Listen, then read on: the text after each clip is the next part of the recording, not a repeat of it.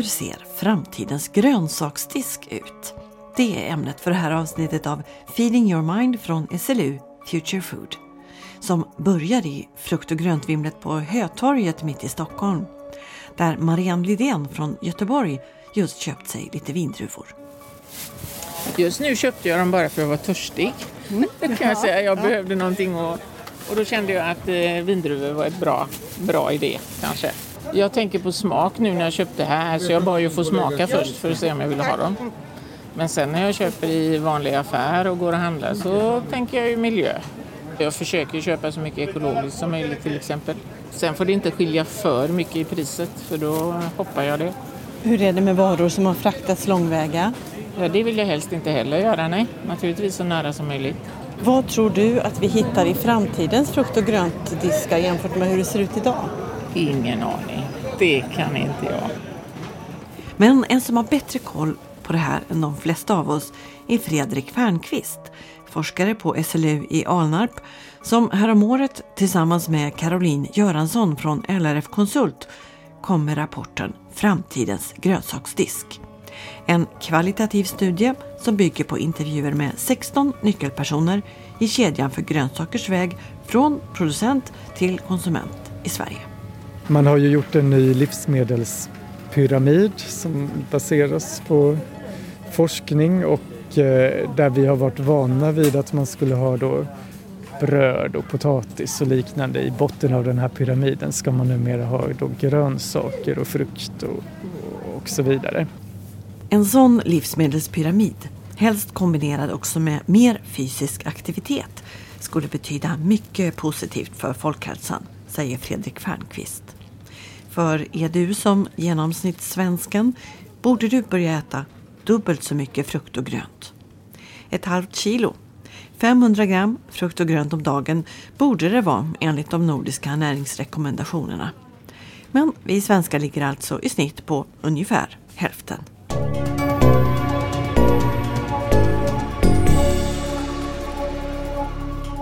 Fredrik Fernqvist och jag har gått in i en alldeles vanlig stor livsmedelsbutik i centrala Lund för att på plats bland frukt och grönt prata om framtiden för den här maten som spås en ljus framtid i rapporten. Tack vare bland annat den rådande hälsotrenden och ökat intresse för vegetarisk kost. Inte minst bland unga vuxna. Frukt och gröntavdelningen i den här butiken börjar med en massa olika varianter av sallad. Precis, vi har väl ungefär mm, jag vet inte, 7-8 meter är det inte, men fem kanske. Eh, där det är en mängd olika salladsmixer. Och det här är ju någonting som har ökat väldigt mycket. Och bortom de strimlade, mixade, sköljda och förpackade salladerna ligger lila blanka auberginer, illgula citroner, lysande röda tomater och dovt gröna vattenmeloner. Massor med färskt och fräscht kring oss som säljer sig självt bra. Och som dessutom dubbleras av speglar på väggarna bakom. Så man vill ju inbjuda till köp och till mycket köp och det ska se trevligt ut. Röda tomater mot svart bakgrund är ju en sån sak. Svart signalerar ju lyx. Okay. Eh, det är klart att med en förpackning kan man ju kommunicera mycket mer än vad man kan göra utan en förpackning och det är klart att det finns ett värde i att uh, skriva saker på en förpackning. Informera konsumenten. Konsumenten vill gärna veta mycket om sin mat. Man kan numera se sådana här äh, QR-koder till exempel och med sin mobil och se kanske vad det är för odlare som har gjort det här. Var kommer den ifrån? När har den förpackats? Och så vidare så att man har den senaste informationen. Och den vetgirige frukt och grönkonsumenten lär hitta allt mer information framöver. För två fenomen som rapporten om framtidens grönsaksdisk bedömer kommer att ha mycket stor påverkan på hur det går med försäljningen framöver, det är just hur förpackningarna ser ut. Och så den så viktiga bekvämlighetsaspekten. Mer och mer bekväma måltidslösningar väntar, säger Fredrik Fernqvist hackade och eh, skivade och skalade och tärnade produkterna, olika typer av mixer, ännu fler typer av mixer förmodligen. Åker man till Holland eller Storbritannien så har man ett mycket, mycket större utbud än vad vi ser här. Den utvecklingen kommer naturligtvis även till Sverige i framtiden. Vi kommer se fler måltidslösningar, det vill säga lösningar som inte bara består av grönsaker utan kanske även andra ingredienser. Mycket mer färdigmåltider, även i grönsaksdisken förmodligen. Kanske ännu mer exponering av grönsaker i säsong i framtiden. Det är någonting som konsumenten är intresserad av och som också kan vara en image för butikerna. Och med 17 procent av befolkningen i Sverige född utomlands ändras också utbudet till att följa efterfrågan. Här är då en eh, plastförpackning med en ganska stor knippe persilja. Och det är eh, ett tecken på att det finns nya kundgrupper då med annat eh, ursprung. Där man då har en tradition av att äta mycket bladgrönsaker, mycket bladkryddor och liknande.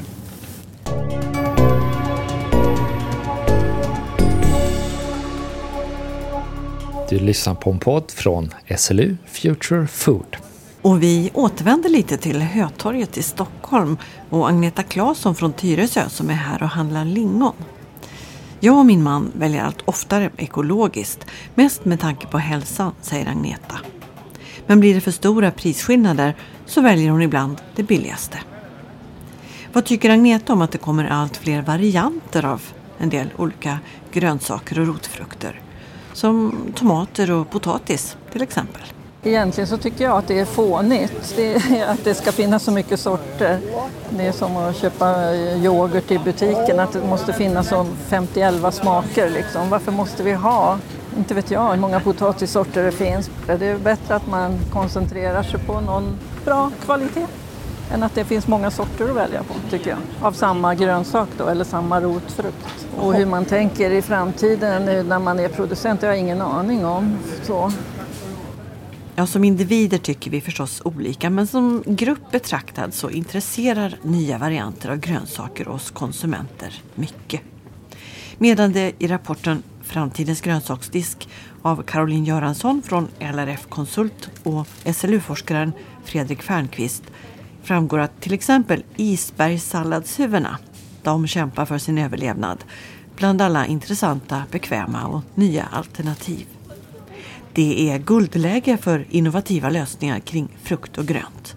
Men eh, de inplastade gurkorna till exempel, de ser väl ut som de alltid har gjort. Man kan ju tala om någon typ av utvecklingstrappa för grönsaker där vi har bulkvaran i botten och sen så ser vi då hur det här blir ökad variation i de här kategorierna.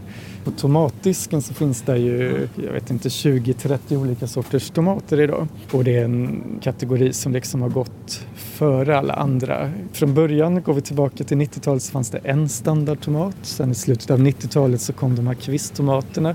Är vi inne på början av 2000-talet så kommer de här cocktailtomaterna. På 2010-talet då så kommer en mängd andra typer av tomater som är förädlade för färg och form och smak inte minst.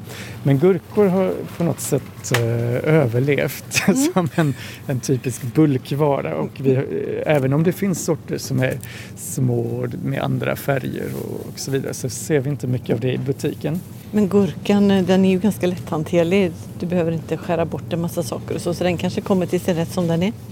Det gör det, men det intressanta är ju att det finns ju ett eh, växtförädlingsföretag, Riksvan, ett holländskt förädlingsföretag som arbetar med att förädla fram sorter utan kärnhus på de här.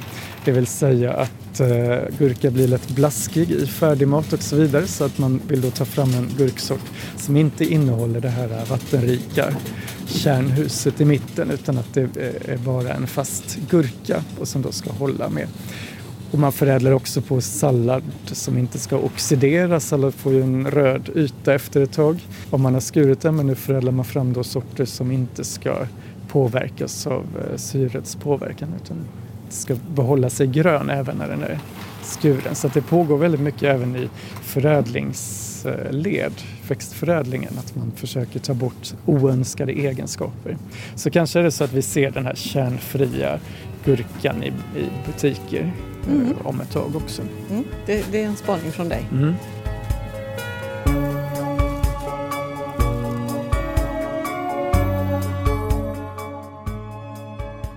Genomsnittssvensken borde som sagt fortfarande äta dubbelt så mycket frukt och grönt för att nå de nordiska näringsrekommendationerna. Men det är också så att vår konsumtion sedan 1990 har ökat med nästan 50 procent. Så vi äter mer frukt och grönt parallellt med att även köttkonsumtionen ökat mycket kraftigt de gångna decennierna. Även om den utvecklingen nu verkar ha stannat av. Så hur ska man förstå det, Fredrik Fernqvist? Äter vi mer av allt nu för tiden? Nej, så ska man nog inte se det. Utan när det gäller de här produkterna som... Det finns ju vissa typer av livsmedel som vi ofta konsumerar mer av när vi eh, har det bättre ställt. Kött är en sån och även kanske färska grönsaker och liknande. Eh, så att när livsmedelspriserna relativt sett har gått ner och blivit en mindre andel av hushållens budgetar så kan man också kanske se att konsumtionen av de här produkterna har ökat medan andra produkter som potatis och pasta och ris kanske ligger ganska still påverkas inte så mycket av priset men eh, vissa varor påverkas då mer.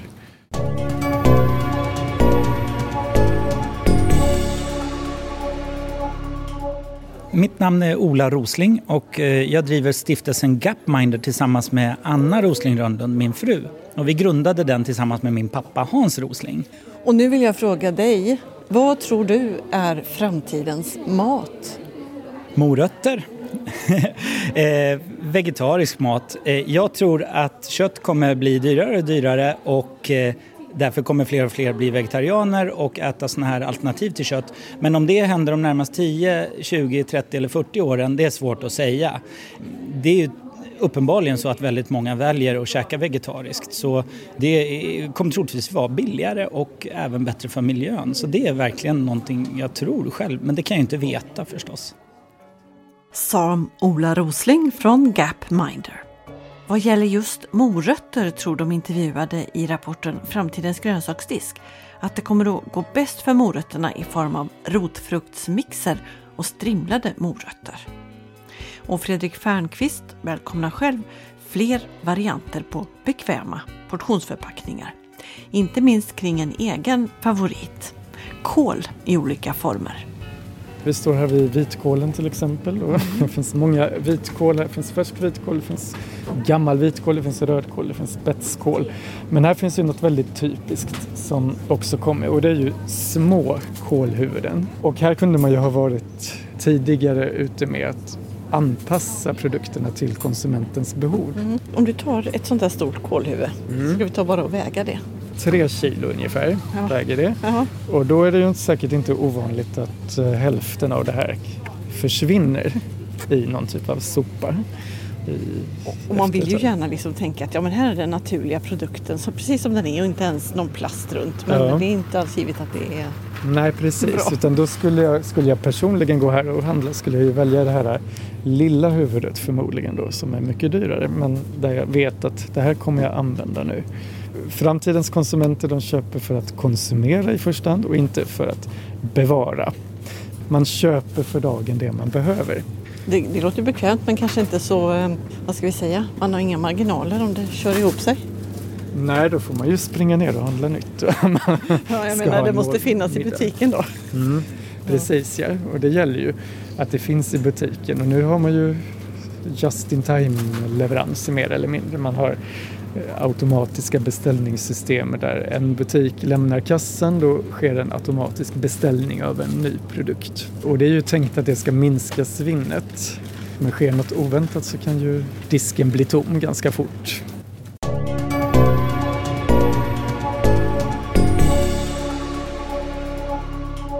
Ja, små förpackningar med färska, skalade, färdighackade och sköljda grönsaker. Det låter ju gott och bekvämt. Men är knappast beredskapssmart. Och handlarna i Fernqvists studie menar att många påsar förblev osålda och behövde kasseras. Medan tidigare led i livsmedelskedjan såg fördelen med att kunna använda mer av råvaran för att strimla och mixa. Även om en del av salladshuvudet från början kanske inte såg så snyggt ut så att det hade inte gått att sälja helt. Men alla de här prassliga små plastförpackningarna av skuren sallad i lagom portionsförpackningar som tar mer plats och kräver mer kylkapacitet. Kan det vara klimatsmart och hållbart? Svårt att säga, för det här är minst sagt komplexa sammanhang, konstaterar Fredrik Fernqvist. Det finns ju för och nackdelar. På ett sätt minskar man kanske svinnet. Man kan använda restprodukter när man hackar och, och, så, och rensar centralt. Det går åt mer förpackningar. Man kanske minskar svinnet i hemmet. Kanske ökar transportkostnaderna. Så det är klart att man skulle ju gärna vilja se fler analyser på flera olika typer av produkter om det är, är, är det ena bättre eller sämre än det andra egentligen. Fler sådana livscykelanalyser vore bra. Ja, till exempel hade det inte varit dumt och kanske också man kunde undersöka konsumentens beteende ännu mer för att förstå vad är det som skulle kunna göra att konsumenten får ett mer klimatsmart beteende till exempel. För det går inte att informera konsumenten och tro att man ska utbilda konsumenten för att det är inte så vi fungerar. Utan vi handlar på känsla och vi eh, handlar utifrån sammanhang och vad vi ska äta. Och vad som gäller är att man kan utforma rätt produkter som är klimatsmarta som då attraherar konsumenten att göra rätt val. Och alla förpackningar, alla prassande förpackningar som det blir mer av. Om det är hållbart eller inte, det beror väl på vad det är för sorts plats. Kanske? Ja, det är också en sån sak som är eh, intressant, nämligen om det är så att vi kan få bioplaster som eh, går att återvinna så är det förstås väldigt attraktivt. Ja, om eh, plasterna är bioplaster. Om inte alla småförpackningar där en tomat blivit mosig eller tre vindruvor möglat slängs utan hittar nya vägar i matkedjan, då blir färsk frukt och grönt mer miljö och klimatsmart. Men det återstår en hel del om ännu. Och så har vi ju alla transporterna. Än så länge är det ju billigt att transportera saker. Vi har ett distributionssystem som klarar av att tillgodose billiga produkter. Då och då finns det alltid köpare. Men det kan ju förändras. Man kan väl säga att det finns vissa konsumentgrupper som kanske tänker sig för medan andra kanske inte tänker sig för. Och man brukar säga att ungefär hälften av konsumenterna handlar i första hand på pris. Så ja, det är en stor utmaning. Här har vi sockerärtor och eh, man kan misstänka att de kanske kommer från Kenya. Här står det att de är förpackade i Holland. Nej, de här kom från Guatemala. Kom de ifrån. Ja.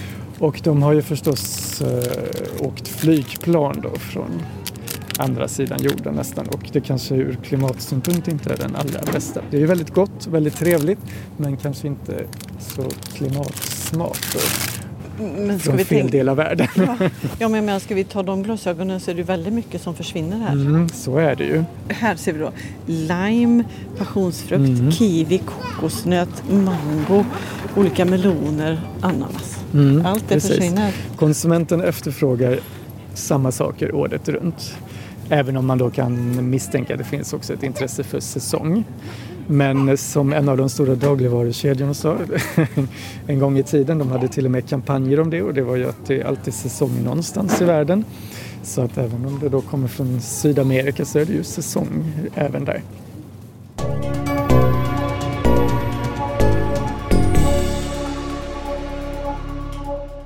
Frukt och grönkonsumtionen fortsätter att öka och verkar definitivt ha en säkrad plats på framtidens tallrik. Och frukt och grönt främjar folkhälsan och kan vara klimatsmart. Men eh, klimatutmaningarna är stora. Där det handlar om bland annat förpackningarna, allt svinn och transporterna. Och som konsument är det inte alltid lätt att göra rätt. Nu ska jag i alla fall köpa ett päron. ja, hur ska du tänka då? Ja, hur ska jag tänka då? Argentina eller Holland är frågan. Mm. Valet är ditt. jag kan inte svara på vad som är mest hållbart. Päronen från Argentina kan jag ha åkt båt och päronen från Holland kan jag ha åkt lastbil. sa Fredrik Fernqvist, forskare vid SLU Alnarp och en av författarna till rapporten Framtidens grönsaksdisk.